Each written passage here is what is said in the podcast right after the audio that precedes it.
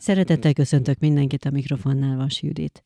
November 20-án ünneplik az Ifjúsági Zenebarátok Világnapját. Szeretettel köszöntöm stúdióban vendégemet, Gulyás Lászlót, az EGRI Farkas Helen Zeneiskola igazgatóját. Köszönöm, hogy itt vagy. Én köszönöm a meghívást. Ifjúsági Zenebarátok Világnapja, ez olyan nagyon sokat sejtető ez a név, de valójában azt akarja, hogy mennyire fókuszálhatunk, és mennyire fontos gyerekkorban elkezdeni a zenetanulást, illetve az, hogy ugye a zenében nincsenek határok, és akkor így a nemzeti kultúrák megismerésében se legyen. Ti nem olyan régen Lengyelországban jártatok, illetve a lengyelek itt is voltak nálunk. Honnan jött ez a lehetőség, és milyen tapasztalatokat cseréltetek? Így van, augusztus végén derült ki, hogy utazhatunk. Ez egy pályázati lehetőség volt. A Visegrád Fund támogatta ezt, a, ezt az utazást.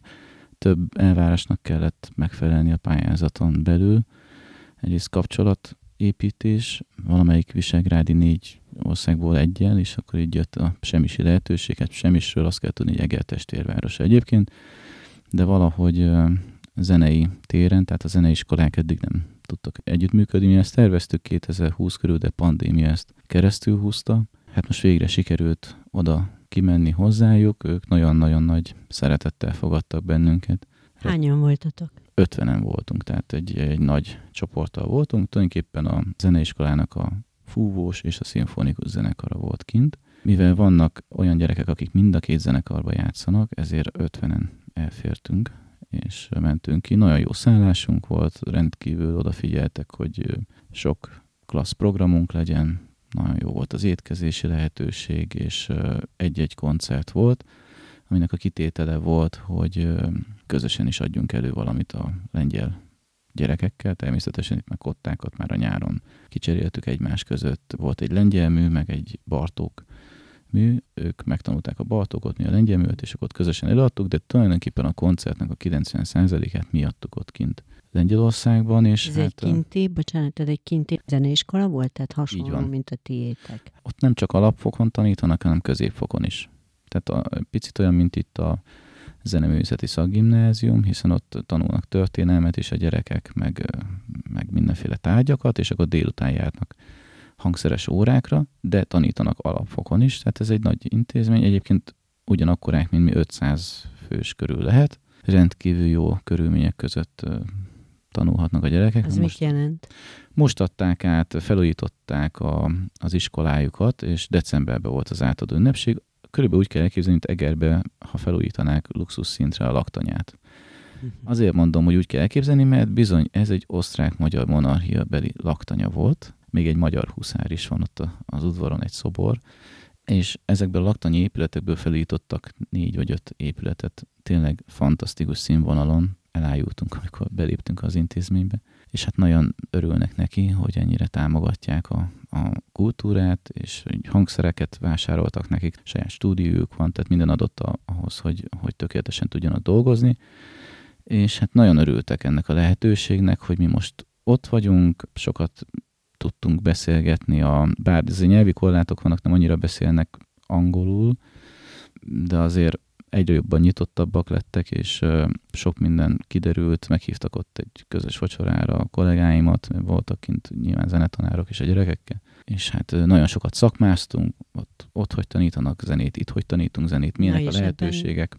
Ebben, ebben mi, milyen különbséget, meg azonosságot látsz? Hát alapvetően a különbség az, hogy hosszabb hangszeres órák vannak, ott általában 45 perces hangszeres órák vannak, itt pedig fél órás, illetve abban is van különbség, hogy sokkal több a kamarazene gyerekeknek, sokkal több közös együttesben tudnak gondolkodni. Tehát nálunk például mondjuk van 10-12 kamarazenekar, az azt jelenti, hogy van fúvola zenekar, van részfúvós együttes, van szimfonikus zenekar, fúvó zenekar, stb. Ott nagyon sokkal több van. Tehát tulajdonképpen nem az egyéni képzésre helyezik annyira hangsúlyt, hanem a közös zenélés, és nagyon sok könnyű zenei együttesük is van sőt, külön tanár foglalkozik ezekkel, tehát nem a trombita tanár tanít kamarát, vagy a zongora tanár, hanem van kamarazene tanár, akihez még külön járnak a gyerekek, és akkor feldolgoznak különböző, akár popzenét, rockzenét, de természetesen komoly zenét is. Tehát kamarazene sokkal nagyobb hangsúlyt kap az ő képzésükben.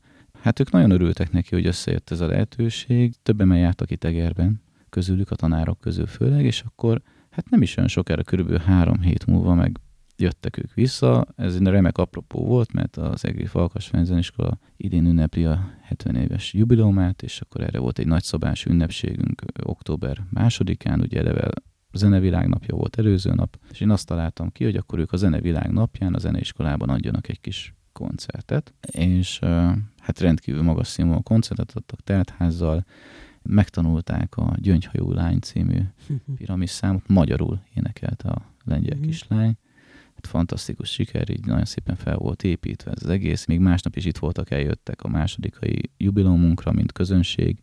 Ott megtiszteltek bennünket azzal, hogy az egyik produkciójuk ott is fellépett egy fantasztikus duó, és tulajdonképpen úgy érezzük, hogy, hogy ez egy hosszú távú együttműködés lesz. Reméljük, hogy lesznek pályázati források, mert azért ez nem apró pénz ennyi gyereket utaztatni, szállásolni, étkezés, stb. De hát most valami elindult, azóta is egyébként folyamatos a kommunikáció, messenger üzenetekbe, vagy, vagy e-mailekben is, már cserék is voltak, már most már azt tervezgetjük, hogy lehet, hogy a, hogy a tanárok jönnének ide, és akár egy hétig itt lennének, és ők beülnének az itteni zeneórákra, akkor innen is a tanárok kimennének, és hát ennek rettentően sok haszna van, uh-huh. hogy egymástól tanulhatunk, úgyhogy reméljük, hogy az jövőben is folytatódik. Milyen fenntartású iskola? Állami. Állami iskola, ugyanúgy, ahogy mi. Amit mondtál, hogy a kamarazenei oktatás van fókuszban inkább, az jó nem? Mert végül is a gyerekek többsége, aki kerül zenekarban játszik. Igen, hát most mi is azon vagyunk, hogy ebből okulva és nagyon nagy hatással volt ez ránk azokra, akik ott voltunk kint. Mi is próbáljuk egy picit most itt az Egri Zenesuliban is e felé irányítani a gyerekeket, hogy, hogy minél több kamaracsoportot létrehozni, a népzenészek ebben élen járnak, ők rögtön zenekarba játszanak, tehát egy év hangszeres tanulás után már teszik is be, igaz, hogy csak azt a hat hangot tudja, hogy négyet, de már a profibbak mellé beteszik, felnő úgy, és évről évre jobb lesz, rengeteg tapasztalatot szerez, nagyon sok szereplésük van, úgyhogy mi most ezt próbáljuk átültetni abban, hogy minél több kamarazene együttes legyen nálunk is, és hát megpróbáljuk ezt az utat járni, mert szerintem is ebben van a jövő. Hát én ebben bízok, hogy ebben tudunk előrelépni. Van-e még ezen kívül más testvérvárossal, vagy nem testvérvárossal ilyen szakmai kapcsolat? Volt egy osztrák zeneiskolával 2019-ben, ha jól emlékszem, akkor voltak onnan gyerekek, és innen is mentek ki egy, egy pár napra. Az kötődött az egyik kollégánkhoz, hiszen ő együtt végzett egyetemen azzal a hölgyel, aki Ausztriában tanítja a gyerekeket. Azóta ez, ez hát hogy ez most miért, ez alább hagyott, vagy, vagy nem is kerestük annyira egymást, ennek sok oka van én nagyon-nagyon szeretném, hogyha Erasmusszal is el tudnánk utazni akár Portugáliába, van ilyen lehetőség, hogy Olaszországba, megkeresések is vannak a mi irányunkba, nem titkolom, de, de azért ennek nagyon komoly anyagi vetülete van, és hát a családokat nem lehet a végtelenségig terhelni egy-egy ilyen utazással, és akkor itt, hogyha már repülni kell, akkor az, az rettente megdrágítja a hangszerek miatt az utazást. Persze most is úgy volt, hogy, hogy mi nem vittünk dobfelszerelést, hanem a nagyobb hangszereket leírtuk e-mailbe, hogy mit szeretnénk, és írták, hogy van, van, ne vigyünk, erősítőt ne vigyünk, nem tudom, szóval tudtak adni. Mi is így adtunk, és akkor nem kellett két óra hosszán cipekedniük nekik a buszból ki meg be. De azért, ha már repülni kell, vagy nagyobb távolság van, ott ez jelentősen akár triplázza is a költségeket. Úgyhogy hát rajta vagyunk, hogy legyen minél többféle. Én azt szeretném, hogy hogy évente legalább egy alkalommal létrejön egy ilyen kapcsolat. Az majdnem mindegy, hogy most pedagógusok között, vagy, vagy zenekarok között, vagy, vagy csak egyéni óra, hanem, hanem legyen egy élő kapcsolat, mert rettentően sokat lehet ebből tanulni. Igen, ezt akartam mondani, hogy ez az egy út is bebizonyította, hogy mennyire szükség van erre. Így van. Így Nem van. csak szakmai szempontból, hanem a zenek, gyerekeknek a zenei élmény szempontjából hát és, is. És hát mm. azért barátságok kötődtek, itt szerveztünk nekik ilyen közösségprogramokat, itt a, a lézerhasztól a nem tudom milyen, a városnéző túrán át, nagyon sok minden, ahova mindig jöttek velünk itt is zenéskolás gyerekek, és akkor egyébként a gyerekek egész jól beszélnek ott is már angolul vagy németül, tehát egymást bejelölték a közösségi oldalakon, mm. tehát már elindult valami, hogyha ez működne, hogy minden évben találkozunk, akkor ebből egy nagyon komoly kapcsolat kialakulhat. Ennek a világnapnak egyébként az is a feladata, vagy a célkitűzése, hogy felhívja a figyelmet arra, hogy mennyire fontos gyerekkorban nyilván elindítani a zenetanulást, illetve az, hogy a zene mindenkié, és azt hiszem, ez a szlogen nálatok is él, illetve otthonra talált. Mit ad egy gyereknek egyébként az, hogyha minél kisebb korában elkezdi, elkezd tanulni játszani valamilyen hangszeren. Nyilván elfogult vagyok, és azt gondolom, hogy nagyon sokat ad. Már akkor is, amikor még meg sem született. Ez a saját gyerekeimről tudom. Az én párom is zenész, vagy zenélt, most már énektanárként dolgozik, de ugye hangszeresként indult a pályája, és nagyon sokat dudorászott már, amikor még a pocak lakók ben voltak akkor is, és kisbabakorukban is nagyon sokszor, meg eleve kerültek olyan helyzetbe, hogy vittük magunkkal őket, a két, két fiamat még kis gyerekkorba koncertekre, mert különben mi se tudtunk volna elmenni, és hát olyan önzőek voltunk, hogy akkor cipeltük magunkkal a gyerekeinket is, és azért ez kiderült, hogy, hogy azért ennek rettentően sok jótékony hatása van. Azóta is zeneszeretőek, a kisebbik ugye ebből is fog élni, úgy néz ki, hiszen ezt a pályát választotta, de hogy az önfegyelmet megtanítja, mikor valaki hangszeres lesz, hiszen ahhoz, hogy egy nyolc ütemes kis periódust el tud játszani valaki, az, az azért az nem egy perc vagy két perces dolog, és minél nehezebb ez a nyolc ütem, annál több van, amikor ezt napokig kell gyakorolni. Tehát mikor mondják, hogy hú, akkor adjon már zenéskola egy, mit a gyerekek üljenek meg egy 40 perces műsort. És mondtam, hogy ez úgy kell elképzelni, hogyha most azt mondja, hogy hú, akkor most 40 percig szavaljál el légy szíves verseket fejből. Mennyi idő megtanulni mondjuk annyi anyagot, 40 percnyi vers anyagot, vagy szöveganyagot fejből, kb. azzal legyen értékű a hangszeres gyakorlás is. Tehát azért ez nem egy ilyen egyszerű, tehát nagyon sok kitartásra neveli a gyerekeket. Ha zenekarban dolgoznak, akkor egymásra odafigyelésre nincs önös érdek, ott csak mi vagyunk, tehát az közös, közös érdek van. Örülünk egymás sikerének, ha valaki eljátszik egy szép szólót, akkor megtapsoljuk, elismerjük, nagyon oda kell figyelni, főleg zenekari munkába, kamarazenei munkába a másikra, hiszen akkor fog szépen szólni, hogyha ha mindenki azokat az instrukciókat végrehajtja, amiket mondjuk a zeneszerző kért, vagy, vagy mondjuk a karmester jó esetben ugyanazt kéri, mint amit a zeneszerző gondol. Szóval szerintem ez rendkívül fejlesztő, az, Segít a tanulásban is, nem? Szerintem igen, mert a tanulásban is ugye rengeteg, tehát kitartás kell a tanulásban is, de egyébként összefüggéseket is könnyebben talál az ember, akár a, sokszor mondják, hogy a matematika és a zene, hiszen ugye nagyon sokat kell számolni, ütemeket, ütemmutatókat, előjegyzéseket, stb. Tehát nyilván van egy ilyen része is. Nem mondom, hogy mindenkinek való.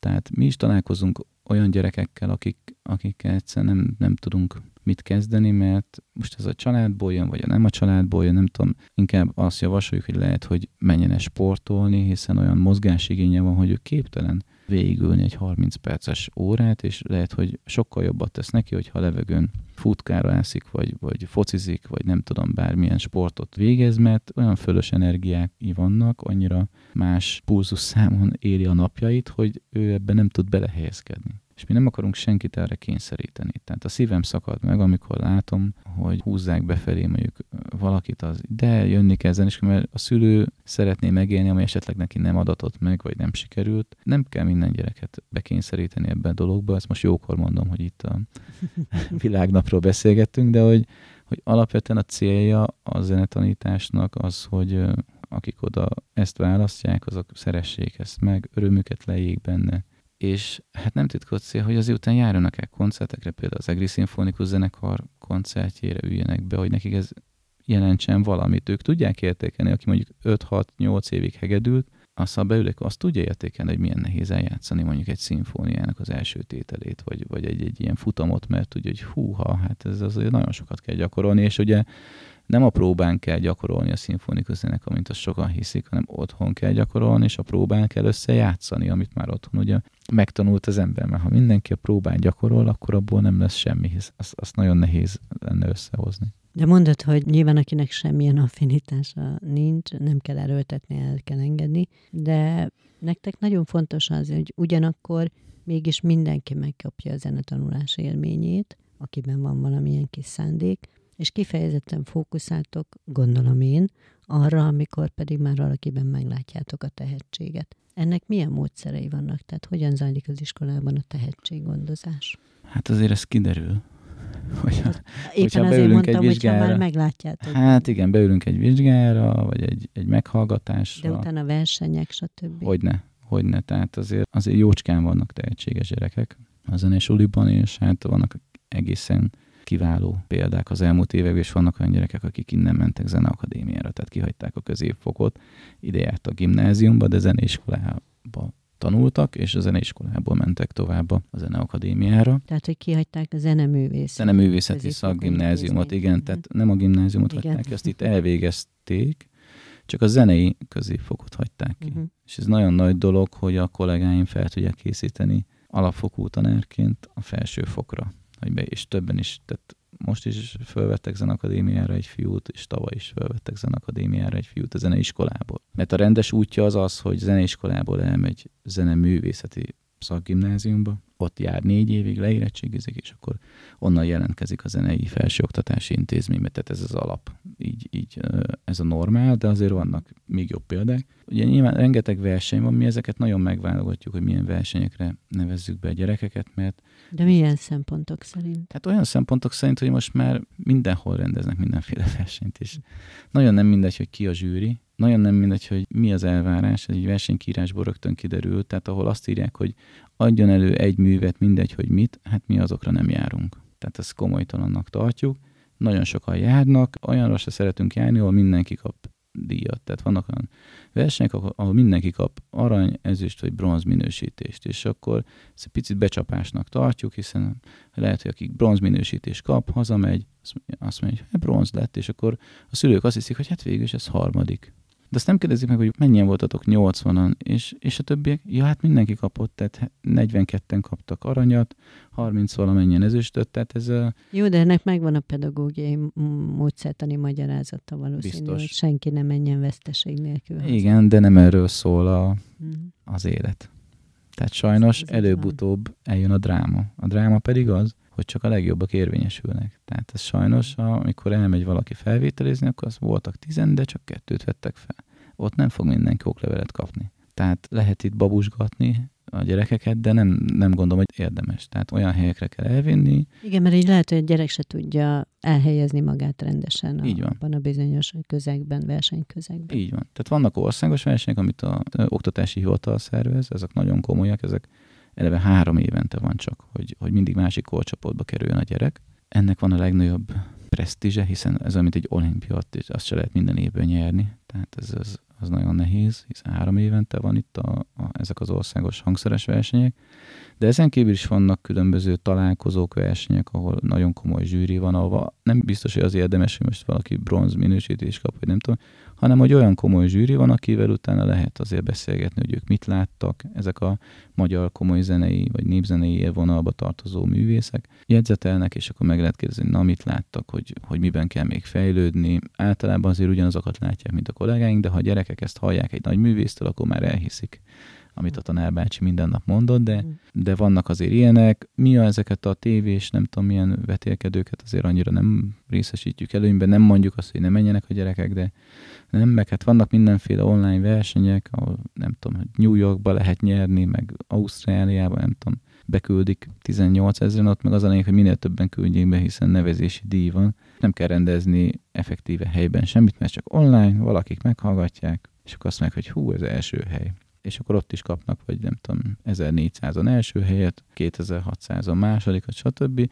Ez is egy kicsit a becsapás kategória, mert az online térben egy, egy produkciónál nagyon fontos az, hogy meg kell jelenni, ki kell állni, tehát aki már állt színpadon, az tudja, hogy sokkal nehezebb közönség előtt egy produktumot előadni, mint a szobába, ahol 5000-szer fel tudom venni. Nem jó sikerült ma, akkor majd holnap, hát holnap is felvesszük hatszor, elfáradta, még mindig nem jó, akkor holnap után is felvesszük, és akkor a legjobbat kiválasztjuk. A színpadon nincs második lehetőség, mindig a, a 400 vegyest hozom fel példaként, oda kell állni, be kell ugrani, és aki először célba, az nincs mese. Tehát az, hogy most mi volt tegnap, vagy mi lesz, lehet, hogyha már egy nappal később rendeznék, teljesen más lenne a, az eredmény, mert a formaidőzítés nagyon-nagyon fontos egy versenynél. Mhm, jó, de ti például hogyan tudtak ezen segíteni? Mert ahhoz, hogy valaki jól teljesítsen abban a pár percben, ugye nem elég tehetségesnek, ügyesnek lenni, hanem kezelni kell bizonyos pszichikai Hogyne.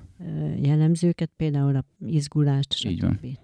Tehát ti egy olyan típusú tehetséges gyereken, aki tényleg nagyon rendkívül tehetséges, de mondjuk nagyon izgulós, vagy, vagy ott leblokkol, azt egy pedagógus hogyan tudja segíteni? Hát itt jön a pedagógiai munka, ami picit pszichológia is. Ugyanolyan fontos része a felkészítésnek a pszichológiai felkészítés. Egyszer le kell venni a, a válláról a terhet. Vannak különböző módszerek, ajánlom itt a hallgatók figyelmébe, hogy van zenéskolának egy, egy podcast műsora, most jó, hogy egy podcastben vagyunk, de ahol a Mert zenélni jó címmel, ahol például erről is beszélgetnek a gyerekek a lámpalázról. Gyerekek beszélgetnek egymás között, hogy ők hogy, hogy gyűrik ezt le, de több ismérve van ennek, ezt ugye az első ilyen szerepléskor, nyilván szerepléskor kiderül, hogy valaki ilyen, ezt mi át szoktuk beszélni a kollégáimmal, és akkor tehát több módszer van, vagy sokat kell szerepeltetni, és egy üteten teljesen megszokja. Amit gyakran csinál az ember, hozzászokik, behívjuk, beülünk öten, jázd el, másnap is van, elküldjük ilyen szereplés, iskolák is kérnek tőlünk műsorokat oda is be, és minél többet szerepel, annál már eljátszott ezt ötször, hatszor, már nem fog annyira tartani. Olyanok is vannak, akik egyszerűen mindegy, hogy hányszor, egyszerűen le, leblokkolnak. Na most ezekkel a gyerekekkel már nagyon nehéz. Itt azt szoktuk, hogy akkor olyan darabokat választunk, hogy a tanárnéni vagy tanárbácsi is kimegy vele a színpadra, és akkor együtt játszunk, mert az már ad egy megnyugtató dolgot. Nem egyedül viszem el a balhét idézőjelbe, mm. hanem a felelősség az osztódik, és abban a pillanatban, hogy a felelősség osztódik, sokkal jobb produkcióra lesz képes. Uh-huh. Hozzáteszem, hogy az esetek legritkább részében van arra hát példa, hogy ezekből a gyerekekből előadó művészek legyenek. Tehát sajnos az igazán jó előadóművészek nem stresszelik túl magukat. Ez nem, nem sajnos, hanem ez az egyik ismérve, hogy... Vagy legalábbis tudják kezelni. Hát jól tudják, mert mindenki izgul. Tehát olyan nincs, mm. hogy ne izguljon, hát még attól is izgulunk, ugye, hogyha ki kell állni, és akkor el kell mondani egy beszédet, ami le van írva egy papírra. Ott 500 ember, jól hangsúlyozom-e, elrontom-e, össze kihagyok-e sort, nem tudom micsoda. Tehát van, aki még ettől is izgul, hogy ki kell állni. Nyilván egy karmester is izgul mi lesz itt, úristen, mi lesz, elrontja a futbolista a szólót, vagy olyan dolgok vannak, amiről ő nem is tud befolyásolni ráadásul, tehát ami nem is tőle függ, tehát mindenki valamennyire izgul, de aztán a, a tapasztalati tényezők ebben nagyon sokat segítenek, meg a, a gyakorlottság. Én azt gondolom, hogy az egy, az egy jó dolog, hogyha, hogyha ezeket a tehetséges gyerekeket sokat tudjuk szerepeltetni, most vagy egyéniben, vagy kamarazeni, vagy zenekarban, akkor szereznek egy olyan tapasztalatot, hogy hogy az izgalom már nem befolyásolja a produkciónak a minőségét. Az hogy tudjátok kezelni egyáltalán? Volt-e ilyen alkalom, nem tudom, hogyha van egy nagyon tehetséges gyerek, akiben azt látjátok, hogy akár még az akadémiára is felvételt nyelhet, tehát még akár szólókarrierbe is foghat később, tehát rendkívül tehetséges. De ugye ez a pálya már ebben a korban is, gyerekkamaszkorban is, hogy ezt a pályát sok minden befolyásolja. Művészek amúgy is, még a lendő művészek is érzékenyek, lehet, hogy nincs annyi kitartása, jön a kamaszkor, saját gátlásai, nem tudom. Tehát sok olyan visszahúzó erő lehet, amivel lehet, hogy ő nem tud megküzdeni. Nem hát, tudom, volt-e ilyen lehet esetetek egyáltalán, hogy át kellett billenteni ezen a bizonyos holdponton a gyereket? Hogyne, egyébként személyesen nekem is volt ilyen esetem, meg, meg hát tudom, hogy ez, ez rendszeresen előfordul. Hát itt is, hogy rossz paszban van az ember, annyi minden befolyásolja a családi környezet, a, az iskolai szerelem, a... Jó, de én most nem egy olyan esetre gondoltam, amikor nincs kedve aztán elmenni órára, hm. hanem amikor ezt látjátok benne, hogy neki lehet, hogy ez az útja, de ő már nem akarja ezt az utat járni. Tehát, hogy egy ilyen igazi mélypontról hogy lehet visszahozni? Tulajdonképpen mindenkibe van ez. Tehát mindenkinél előfordul. Tehát én még mm. igazából az a ritka, hogyha valaki csak így szépen így megy, és akkor minden sikerül. Ahhoz, hogy felérjünk a csúcsra, meg kell érni nagyon nagy mélységeket. Tehát benned is volt, meg akár a fiadban is? Hogyne. Hogyne. Nagyon nagy mélységeket meg kell élni, amikor, amikor még az sem sikerül, amit ezerszer eljátszottál hiba nélkül még álmodból is, és valami, a felkészülés, vagy nem tudom, a csomó minden befolyásolhatja ezt. És te milyen tanácsot tudtál adni úgy, hogy pedagógus vagy, átéltél ilyet, és apa is vagy? Hát én azt, azt tudtam adni, hát nem túl jó tanács, de azt mondtam, hogy hát ez, ez egy ilyen szakma, és ez még csak a kezdet, ettől sokkal nagyobb dolgokat is meg lehet élni, vagy nagyobb stressz helyzeteket, amikor kínosan akár egy hatalmas zenekar, vagy egy nagyon nagy szólót elront az ember, de úgy, hogy azt, azt az utolsó utáni embernek is feltűnik. Uh-huh. És másnap megint el kell azt játszani. És már annyira fél tőle az ember, hogy úristen, mi lesz, hiszen nagyon-nagyon elrontottam. De oda kell ülni, föl kell emelni a hangszert, és megint el kell játszani. És aki, aki valóban erre a pályára való, az oda fog ülni, fölemeli a hangszert, és megint 180-as pulzussal nagyon-nagyon fog félni, de egyébként nagyon jó gyakorlatok vannak már erre, én ezt a fiam mutatta nekem, én nekem ez soha nem jutott volna eszembe, légzésre lelassítja a pulzus számot, YouTube videók vannak tulajdonképpen, vagy applikációk. Mielőtt mennél be a színpadra, akkor megnyitod ezt, és akkor mutatja, hogy kilégzés, belégzés, és szépen lassítja, és valóban egy három perc alatt le lehet ezt a hatalmas stressz helyzetet kicsit lassítani, hogy amikor bemész a színpadra, akkor ne robbanjál ne robbanjon szét a szíved, vagy nem tudom, hogy ne, ne essék hát kétségbe. Pánikbetegeknél van hasonló, amikor érzik, hogy esetleg jöhet ez a roham, akkor Aha. lehet ilyen légzéstechnikát alkalmazni. Ezt nem tudtam.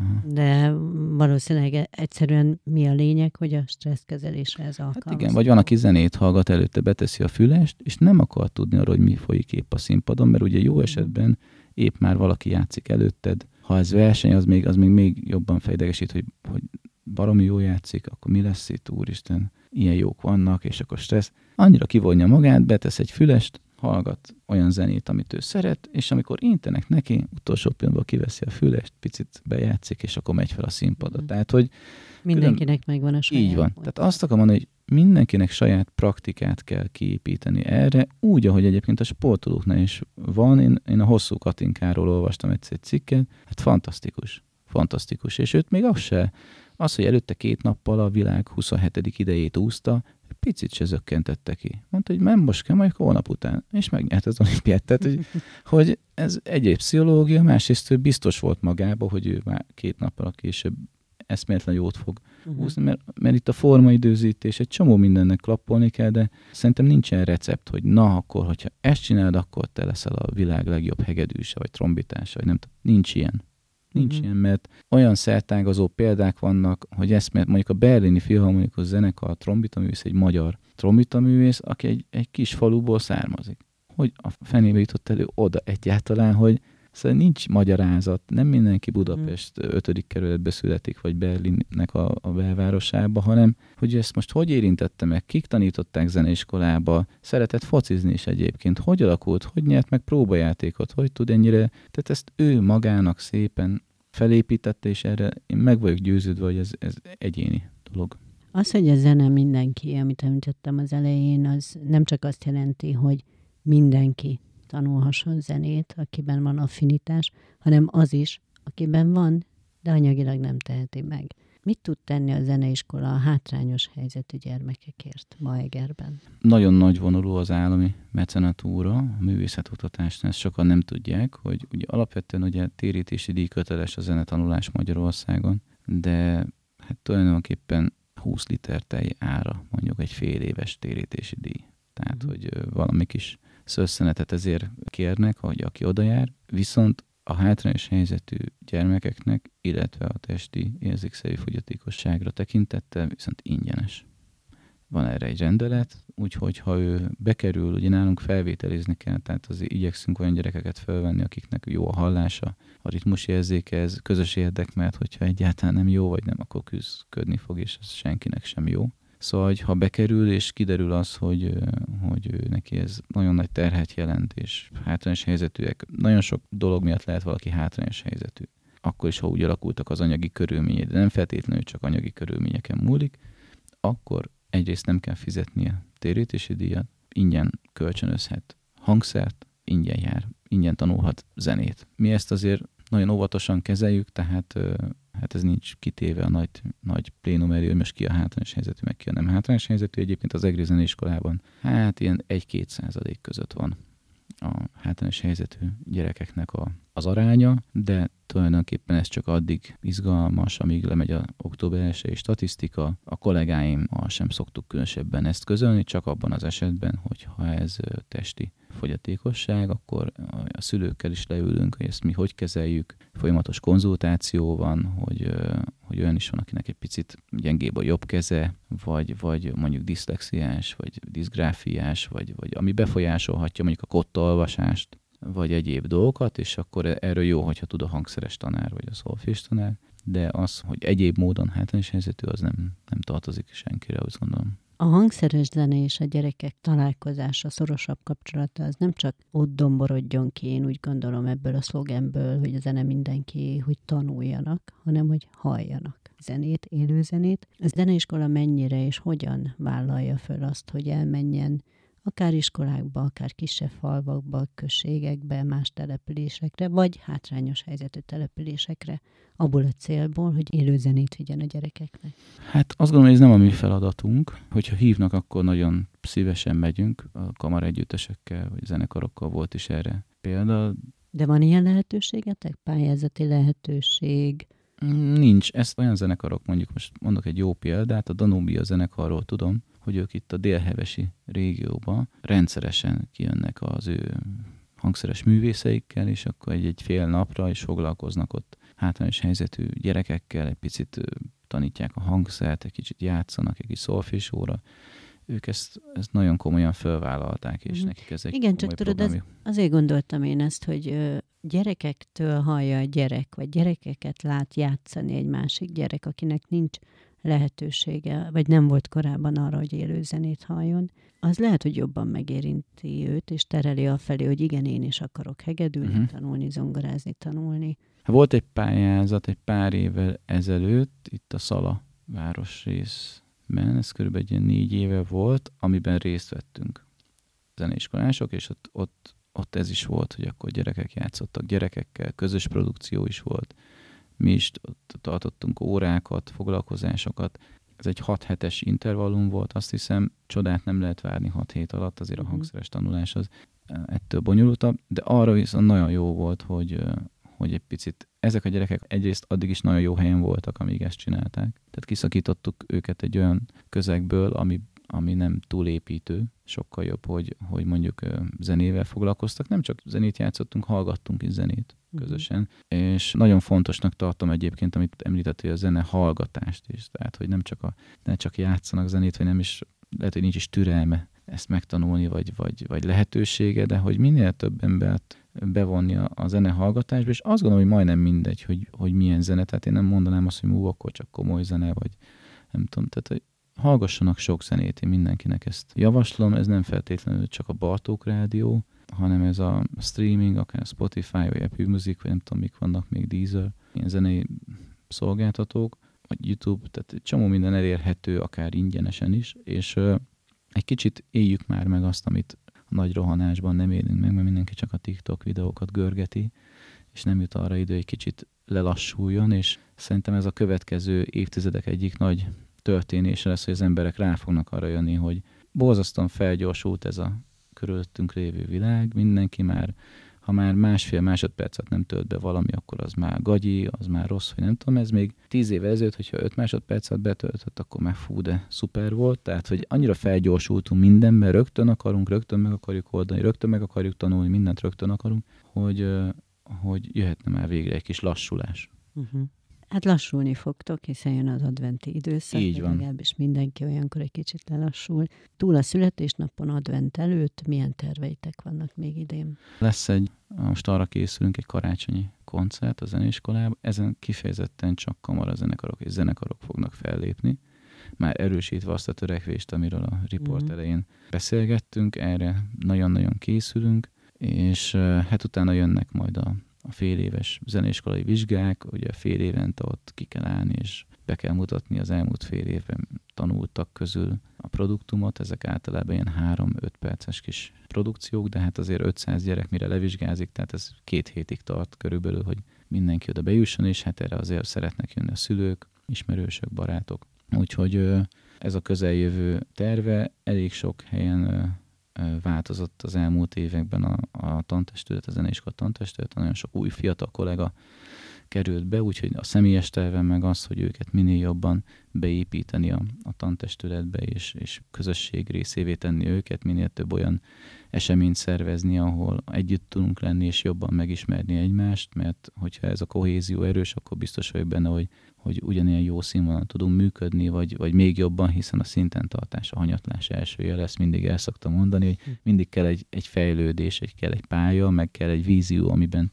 hiszünk, mert csak az, hogy tanítgatunk, annak úgy nem sok, nem sok értelme van. Úgyhogy hát ezek a, a közeli tervek, a távoli tervek meg, amiről, amiről szintén beszéltünk, hogy egy folyamatos interakció mondjuk a külföldi partnerekkel, zeneiskolákkal, és hát minél több ügyes gyerek megtanítása hangszerrel, meg hát egyébként ne csak azért járjanak, mert hogy világsztárok akarnak lenni, hanem azért, mert zenélni jó. Így legyen. Én kívánom, hogy minden teljesüljön. Köszönöm, hogy itt voltál velünk. Én köszönöm a meghívást. Kedves hallgatóink, Örök Gulyás Lászlót és Vas Juditot hallották, legyen szép napjuk, viszont hallásra.